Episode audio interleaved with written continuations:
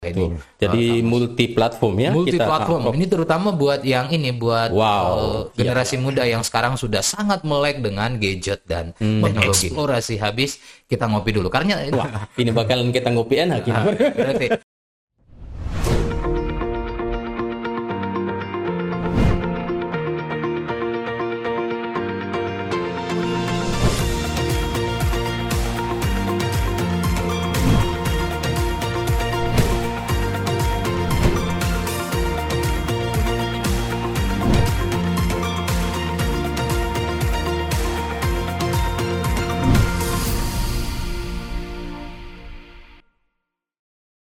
Assalamualaikum warahmatullahi wabarakatuh. Selamat berjumpa di episode pertama Jurnal Podcast bersama saya Rudi Rustam dan Saya Mustam Arif. baik di Jurnal Podcast kali ini kita akan bercerita mengenai maraknya pembalakan liar di era pandemi. Nah di studio sudah hadir Kak Mustam Arif. Baik, beliau merupakan penanggung jawab program pemantauan hutan dan peredaran kayu di Sulawesi Selatan. Nah, seperti apa eh, yang dilakukan dan bagaimana eh, sepak terjangnya selama ini, eh, kita akan berdiskusi banyak di jurnal podcast ini. Selamat datang, Kak Musa. Ya, terima kasih. Jurnal Selebes melakukan pemantauan hutan dan eh, menemukan indikasi pembalakan liar yang meningkat di masa pandemi. Itu kenapa? Iya. Jadi eh, jurnal Selebes mendorong kegiatan pemantauan hutan dan peredaran kayu di Sulawesi Selatan itu dalam rangka satu program program peningkatan kapasitas masyarakat, kapasitas para pihak untuk mendorong eh, membantu mendorong tata kelola kehutanan yang lebih baik. Jadi eh, pemantauan ini adalah dalam konteks eh, pembelajaran buat masyarakat adat, masyarakat lokal di delapan kabupaten yang ada di Sulawesi Selatan. Eh, Perwakilan-perwakilan dari masyarakat lokal itu atau masyarakat adat dan masyarakat lokal itu adalah eh, ini apa? Merupakan upaya jurnal Selebes untuk memberi peningkatan kapasitas masyarakat lokal yang terutama berada di sekitar hutan untuk berturut berpartisipasi atau mengambil peran serta di dalam eh, ini apa eh, Pengawasan. pengawasan tujuannya ten- tujuannya tentu adalah untuk eh, mendorong membantu pemerintah dan para pihak untuk mendorong tata kelola kehutanan yang, lebih baik yang berkelanjutan. Baik. Ya. Nah, kalau boleh tahu dengan siapa saja jurnal Selebes melakukan pemantauan ini? Jadi eh, ya, ya seperti saya katakan tadi ini adalah program. Jadi eh, salah satu program peningkatan kapasitas dari berbagai pihak, pemerintah, terus eh, pelaku industri di bidang kehutanan dan masyarakat lokal. Nah, dalam konteks pemeta- eh, pe- pemantauan ini adalah eh, untuk peningkatan kapasitas masyarakat lokal eh, untuk ikut terlibat di dalam pengawasan hutan. Terlibat Ya. dalam pengawasan hutan. Jadi di delapan kabupaten itu tadi Delapan kabupaten tunggu dulu ini, Kamus. Ah. betul. Delapan kabupaten di Sulawesi Selatan itu daerah mana saja? ya.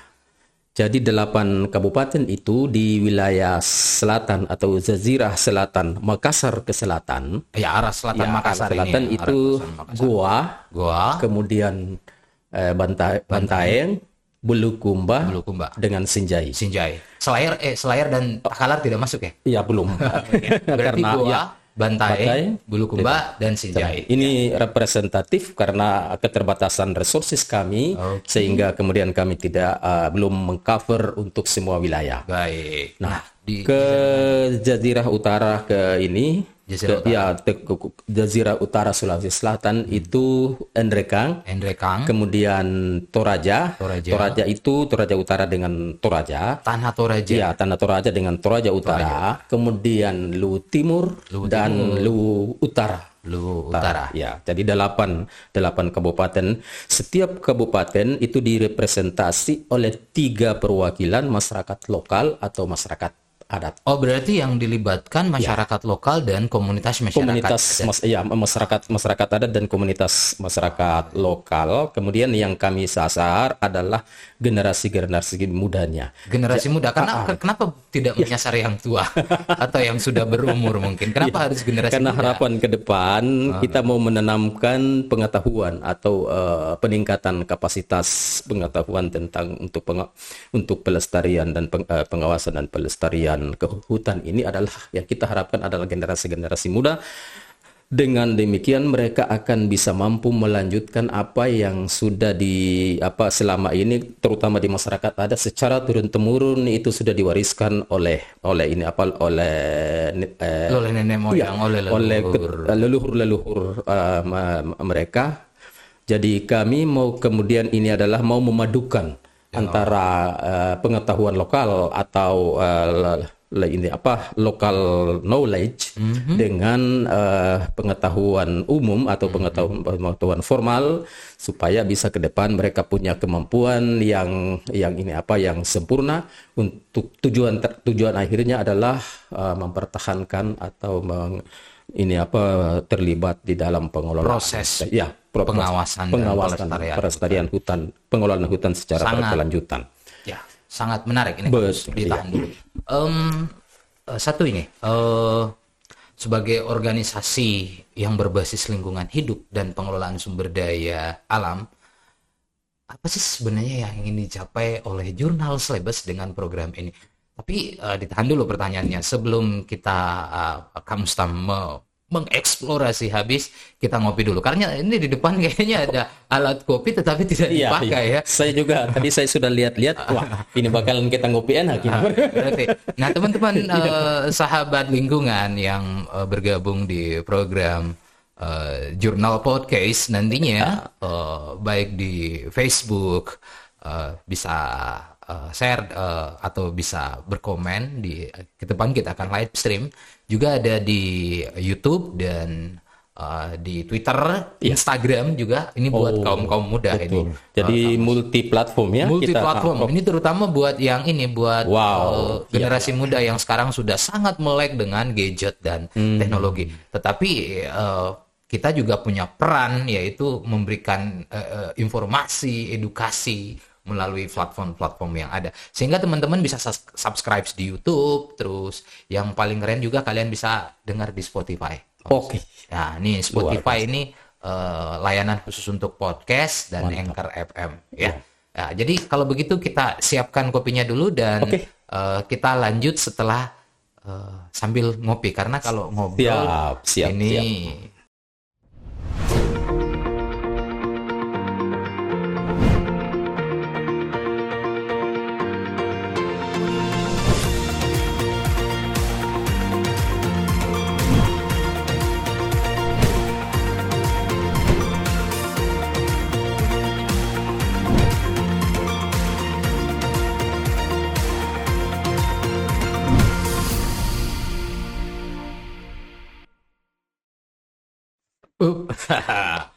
Nah, tiba-tiba kopinya sudah ada di depan ini. Kayaknya menarik ini kopi. Nah, em, sebelum kita diskusi kayaknya yang bikin kopi saya atau Kak Mus nih. Eh, Oke, kayaknya kopinya sudah ada di depan ini Kak Mus ya. Ini tiba-tiba ada ada kopi.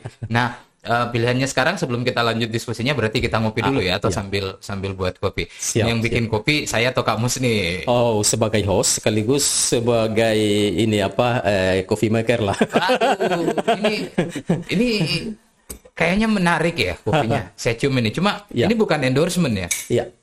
Wow. Uh, Mantap. Fragrance-nya cukup bagus. Waduh. Jadi sebagai yang bekerja di ya atau berkutat di bidang uh, advokasi lingkungan, tentu kita juga akan mendorong kualitas kopi-kopi ke- ini ke Ah, depannya. betul, Ah, betul. Kang Jadi, apalagi Baik.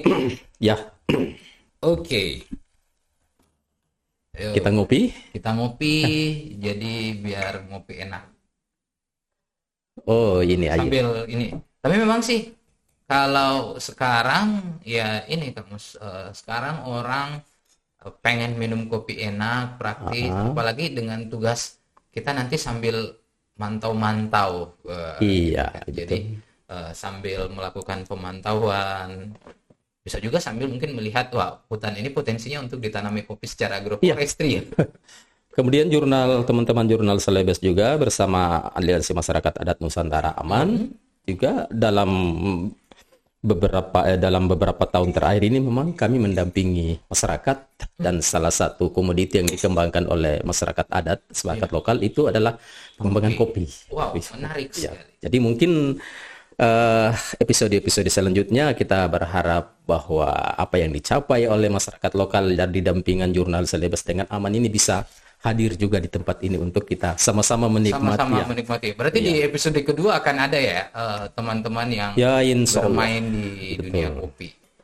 Eh, In- jadi kalau kita membuat kopi dengan Ah. versi eh, V60 ini atau Chemex ini, Cemex, ya. atau ada, ada yang mau nyebutnya V60, V60, ada ya. yang menyebutnya Chemex. Cemex, ya. Kalau saya lebih senang menyebutnya Chemex. Saya juga. Walaupun servernya sebenarnya untuk PCC bawahnya, Iya. tapi di atasnya ada kon. Itu yang pertama sih harus ada proses degassing. Oh, Itu jadi sekitar satu menit. jadi eh, ini tuangan pertama itu Tuangan pertama ya, sedikit hanya ya hanya membasahi. untuk, untuk membasahi dan me- ini ya men- Jenis-jenis. ya oke itu sudah mulai menetes Baru kita oh, ini degassing. Jadi setelah degassing baru kita bentuk bodinya. Oke. Oke. Iya. Sambil menunggu jadi kita lanjut pada eh, eh, pertanyaan yang tadi sih sebenarnya. Eh, Kamu Stam sebagai organisasi yang berbasis lingkungan hidup dan pengelolaan sumber daya alam, apa yang ingin dicapai oleh jurnal Slebes ya eh, dengan pemantauan ini? Eh, jurnal Selebes ini kan core-nya adalah eh, pengelolaan sumber daya alam dan pelestarian lingkungan. Dan eh, kami kami setiap program kami menggunakan media sebagai instrumen untuk mencapai mencapai ini apa mencap- me- mencapai tujuan. Itu karena apa? Karena di organisasi ini itu eh, ter- terdiri dari dua komponen besar. Ya, komponen utama bukan komponen besar ya. Komponen, utama itu adalah eh, teman-teman aktivis terdiri dari teman-teman aktivis NGO dan teman-teman jurnalis. Aktivis Iya, NGO, NGO dan, dan jurnalis. jenis menarik berarti ya berada di di ini. ada agregasi, Iya. ada dua resource Ya. Yang cukup kuat yaitu NGO Dengan dengan jurnalis. Oh, iya, Kenapa? betul. Kenapa bisa seperti itu? di awal-awal pembentukan ini tahun 2000-an itu di ini eh, yang pendiri-pendiri itu eh, kami melihat bahwa ada dua kekuatan Ya. ya civil society ini yang cukup signifikan ketika itu disinergikan Wart, eh, wat- teman-teman wartawan yang ketika itu memang sibuk dengan ini apa ya sel- hanya sibuk dengan deadline pemberitaannya Deadline Iya, ya. iya. Zaman tahun-tahun berapa itu? tahun-tahun dua dua ini apa dua ribuan itu 2002 Tahun 2000 2000 ya 2003 dan 2000 ya seterusnya kemudian ada satu kelompok lagi teman-teman NGO itu eh, ini apa be- bekerja eh, ini apa? Eh, bekerja lepas bekerja bekerja sendiri ya. padahal sebetulnya ketika ketika misalnya dua komponen ini disatukan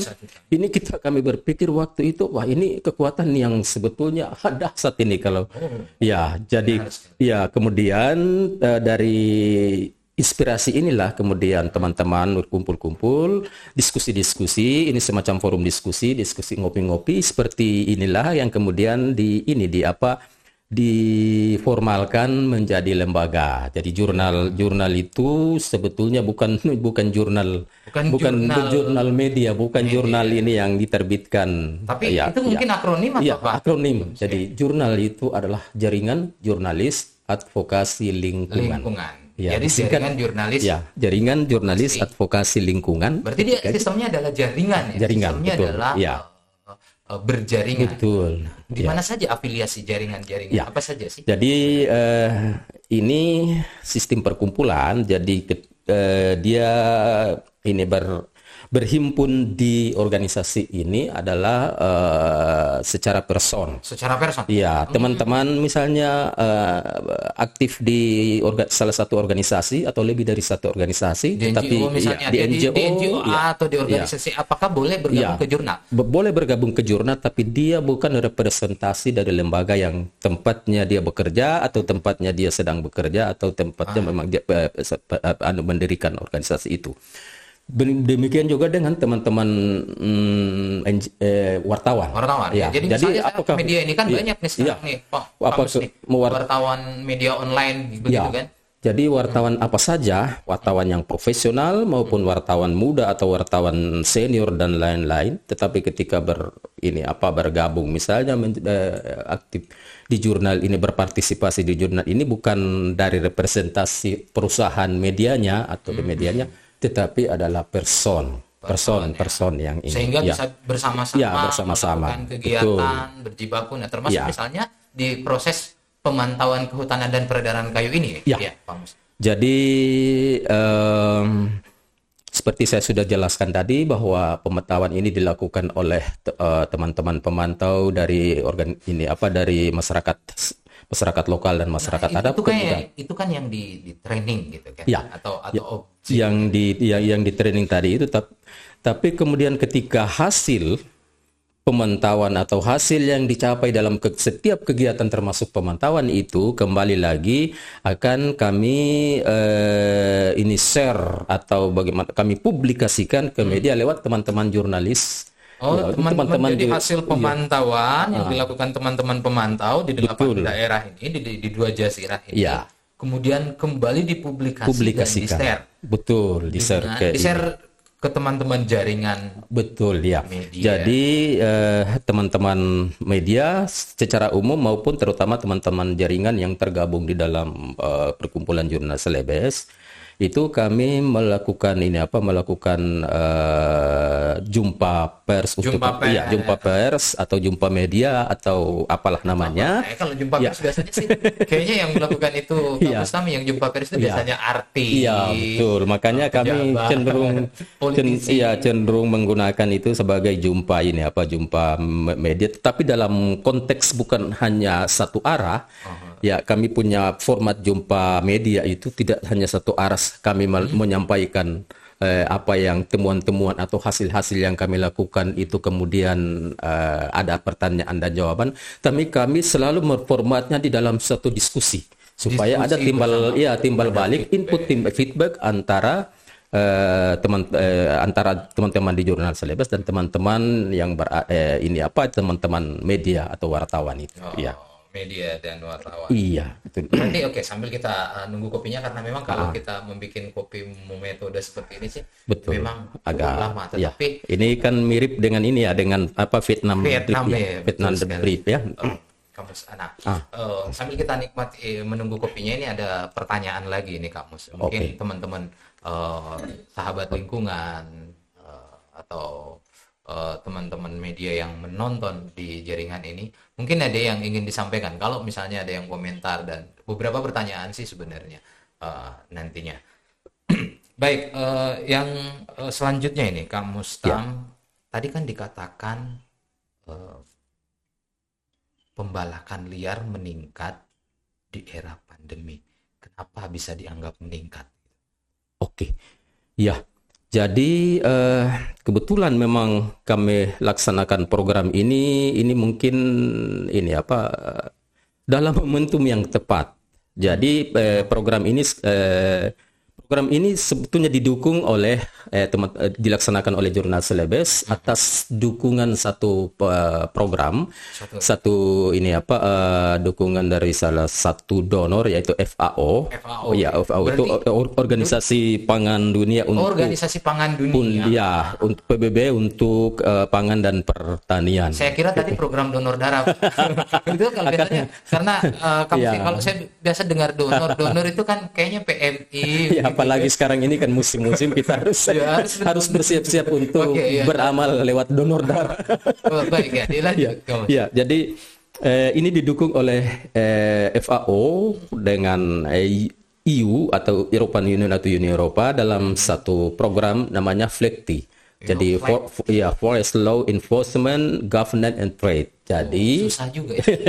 jadi ya jadi eh, ini apa penegak ini apa penegakan hukum eh, dan eh, penegakan hukum tata kelola dan perdagangan di bidang kehutanan. Jadi itu dia. Penegakan hukum, Ya, tata kelola, dan perdagangan. perdagangan bidang- di bidang di di apa di bidang kehutanan. Jadi Memang satu organisasi di Ya, eh, itu dunia itu ya, itu program ya itu Program ya itu program untuk mendorong pengelola eh, tata kelola hutan yang yang baik di negara untuk negara-negara terutama di negara-negara tropis di seperti negara Indonesia tropis ya kan? ya, ya, yang masih Karena kan kita memang dikenal dengan hasil hutan ya. betul ya. Kayu-kayu. Jadi Indonesia Ah. sebagai uh, paru-paru dunia mungkin dengan hutan yang terbesar kedua ya, Kak Mus ya. Ya, eh, tapi kita punya sejarah kelam. Jadi kenapa harus lahir eh, Uni Eropa dan eh, be- eh, sejumlah negara melahirkan program eh, FLEGT ini, Forest Law Enforcement and Governance Trade?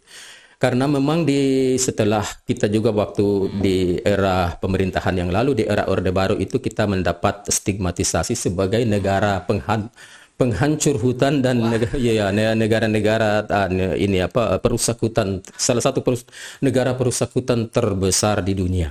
Nah, itu dengan dorongan negara ya.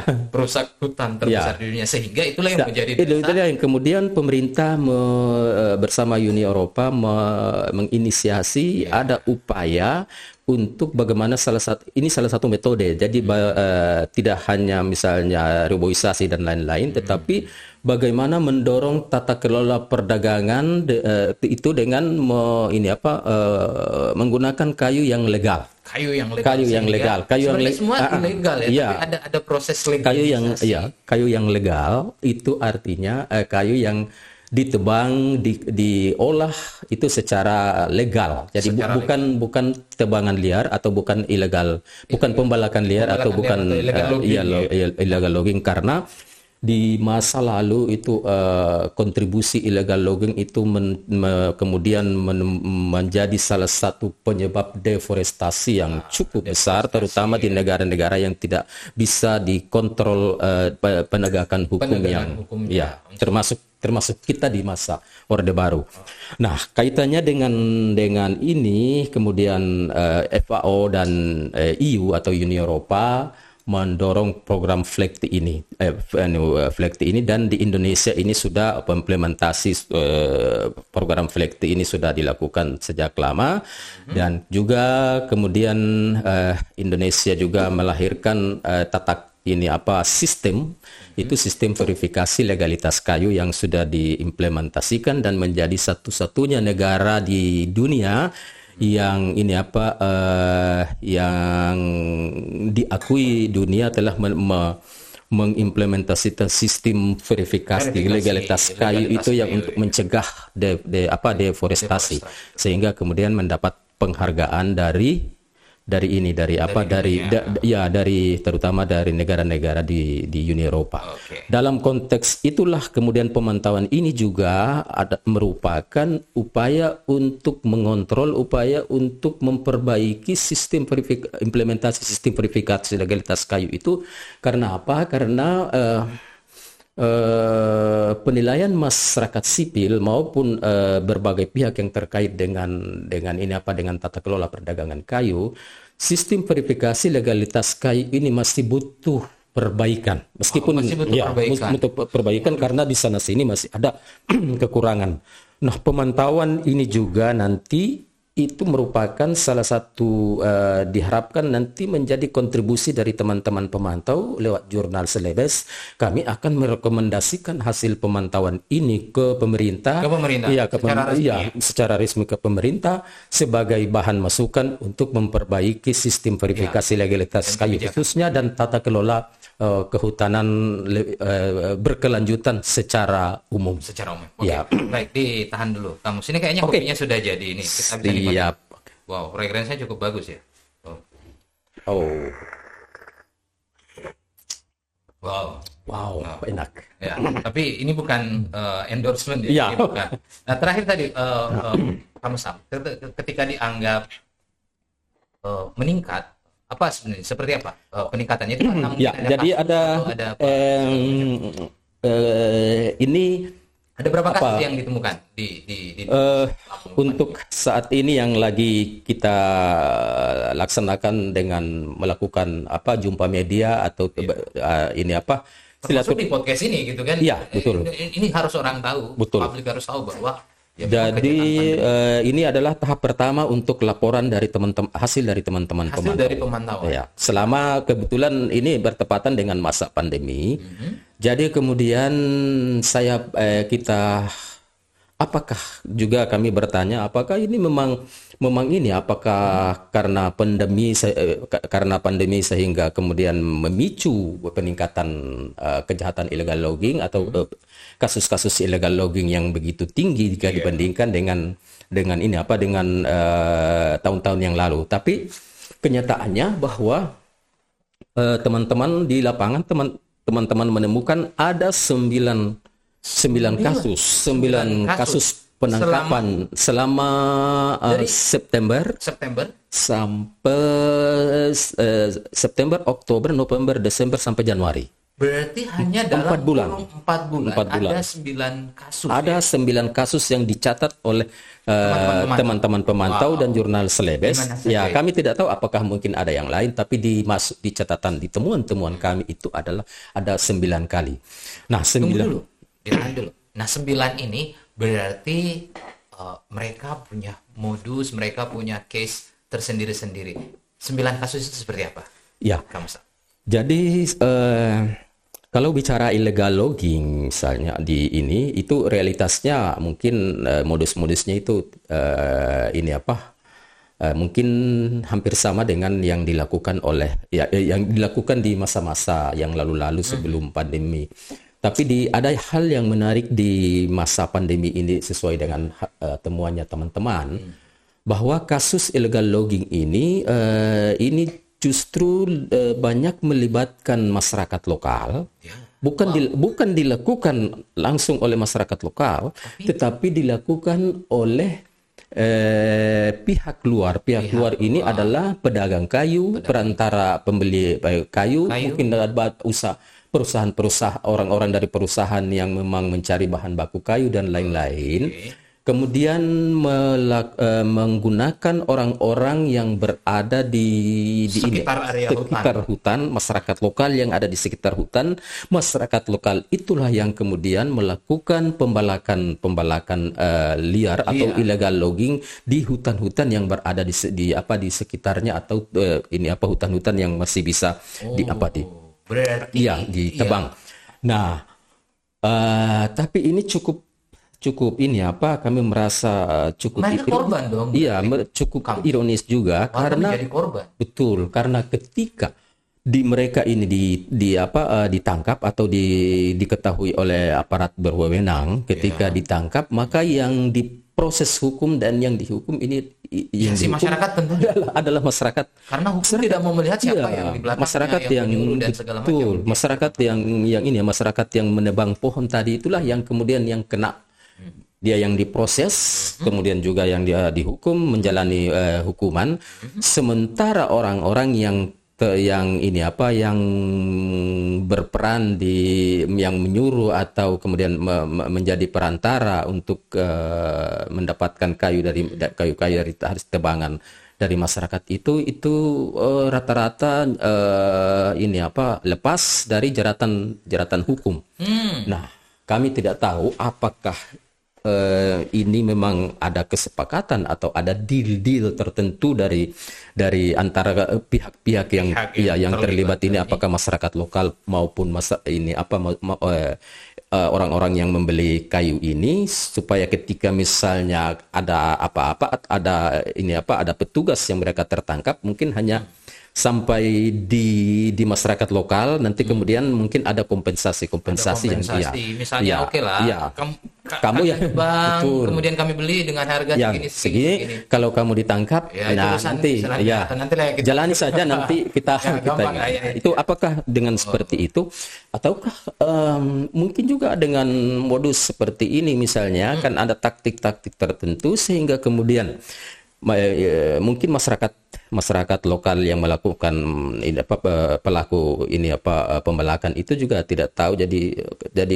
karena ka- eh, yang ditemukan teman-teman itu ada kecenderungannya seperti ini. Ketika eh, masyarakat ini apa eh, petugas menemukan ketika masyarakat itu ditangkap petugas dan diproses diproses ini ini yang orang-orang yang dari luar atau pembeli-pembeli atau perantara-perantara ini tiba-tiba hilang dan menghilang jejak tiba-tiba hilang dan kehilangan jejak dan memang diakui oleh oleh ini ya oleh eh, oh, ya dia, dia, dia, dia maksud saya diakui oleh pen, para penegak penegak, oh, penegak, uh, penegak hukum. jadi satu salah satu alasan kenapa hanya uh, ya okay. kenapa hanya diproses hukum dan menjalani hukuman itu hanya masyarakat ini ya masyarakat uh, masyarakat lokal yang melakukan yang itu. Okay. itu karena ketika proses hukum mm, masyarakat menurut menurut sesuai informasi masyarakat yang ditangkap itu tidak bisa membuktikan bahwa siapa siapa orang siapa yang orang yang menyuruh ya dia. yang menyuruh dia. Atau nah, jadi kami mempertimbangkan apakah memang ada deal antara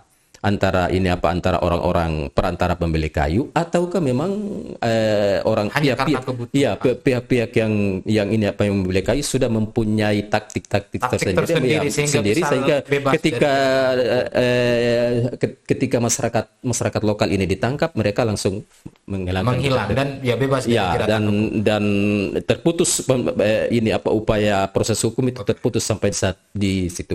Kita teringat seperti misalnya di strategi strategi strategi ini apa uh, strategi rantai putus yang digunakan dalam dalam kejahatan narkotika. ya. narkotika. Jadi ketika ya. para kartel. Iya, iya jadi orang yang ditangkap itu ada ditangkap dan dia tidak tahu ya, penegak penegak hukum sudah kesulitan untuk bisa menemukan siapa di, di sangat menarik ini sekali.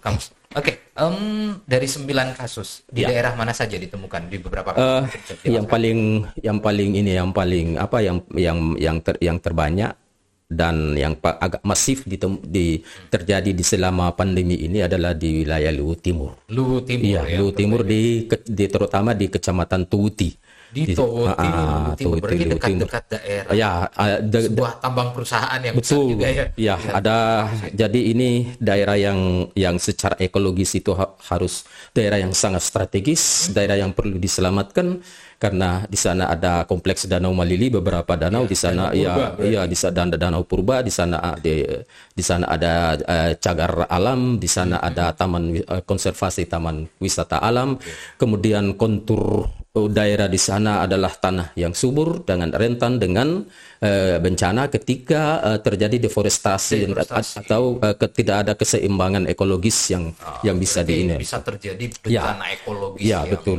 jadi ada ancaman. Ketika uh, wilayah ini Uh, tidak, tidak oh ya tidak uh, deforestasi di wilayah ini tidak terkontrol ini akan ke depan akan menabung bencana ekologis yang yang cukup mengkhawatirkan. Sehingga kemudian kami berpikir bahwa upaya penyelamatan di kawasan ini itu sangat sangat tidak apa sangat penting karena di sana juga adalah kekayaan kekayaan ini apa uh, kekayaan ke, ya ke, kekayaan keanekaragaman hayati biodiversitinya. Ya biodiversity di ini apa untuk kawasan Walasia itu juga per, salah satu sangat. pusatnya di kawasan. Di ya, itu ya, ya, ya, di, ya di tiga di tiga danau-danau itu.